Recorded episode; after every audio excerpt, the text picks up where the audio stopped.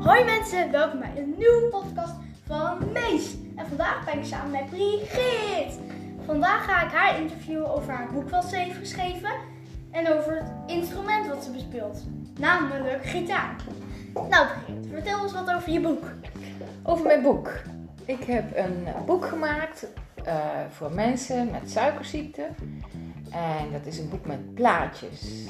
Plaatjes. Eh, bijvoorbeeld eh, een boterham en een plaatje van een glas melk en een plaatje van eh, een appel. Dus alles wat je maar kunt bedenken, plaatjes van gemaakt.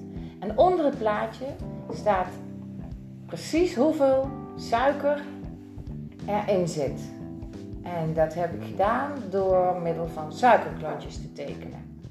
Dus bijvoorbeeld, je kunt meteen zien in een boterham zit bijvoorbeeld 3,5 klontje suiker. Ja, En dan kan je het heel makkelijk opzoeken. Want maar, sommige mensen vinden voeding best heel moeilijk.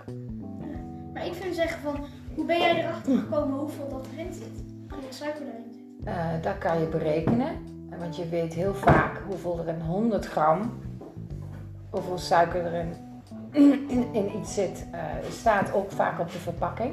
Maar dat staat ook op 100 gram. En dat is voor sommige mensen heel erg moeilijk om om te rekenen. Want hoeveel weegt nou één boterham? Zou je dat allemaal moeten gaan wegen? Ja, en ik zou zeggen van, eh, maar kan je dat altijd vertrouwen, die verpakkingen?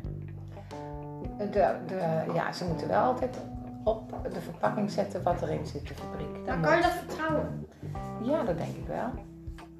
Ja, dat zou ik ook wel hopen als die dan erin zijn. Want als ze gewoon, bijvoorbeeld, ehm, ook bij, ehm, ja, ik denk meer dat, stel nou ze gaan die verpakking niet zetten en ze hebben het gewoon half omgewegen of zo. Dat het gewoon half werk is gedaan, dat het voor de Ja. helft, eh, ja, maar goed is. Ja, je moet ervan uitgaan dat het, eh, dat het wel goed is.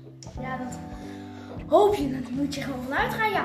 Ja, Oké, en is, ehm, hoe was het om een boek te schrijven? eh, spannend en heel veel werk. En eh, waarom was het spannend?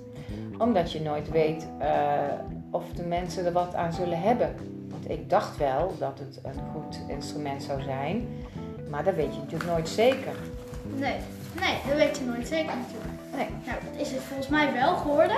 Ja, het is het geworden, want er zijn er heel veel van verkocht. Dat klopt. En ik heb er een prijs mee gewonnen. Prijs? Ja, Welke prijs? Ik ben praktijkondersteuner van het jaar eh, 2013 geworden. En wat is nou praktijk ondersteunen? Dat was mijn beroep. Dat is, eh, ehm, dan help je bij de dokter Ja, eh, te zorgen voor de mensen die diabetes hebben, oké. En ehm, suikerziekte hebben. je bent vast erg blij met die prijs. Ja, daar was ik heel erg blij mee. Ja, Want je hebt eh, heel veel moeite denk ik in je boek gestoken. ja daar heb ik wel twee jaar aan gewerkt, dat klopt. Dat is een aardig eh, lang. Dat is een hele tijd. En je speelt nog gitaar. Ja, daar speel ik weer. Ja, je speelt ook gitaar. Ja, Het, s- je speelde het. Of je speelt het nu. ja Maar je bent ook volgens mij best wel. Maar hoe lang speel je het dan? Hoe speel je het dan? Ehm, ik heb, eh, toen ik eh, eh, 12 was, ben ik een jaartje begonnen en toen weer gestopt. En eh, toen ik eh 28 was, ben ik weer begonnen en toen weer gestopt. En Oké. toen ik 58 werd, toen ben ik weer begonnen. Oké, En nu niet meer gestopt. nu ben je weer aan het ehm, blijven. Iedere dag oefenen. Ja, Ja, iedere dag. Oké. iedere dag. Ben, je, ben je op dit moment een liedje aan het oefenen? Ja, ik ben op dit moment een liedje aan het oefenen, ja. ja.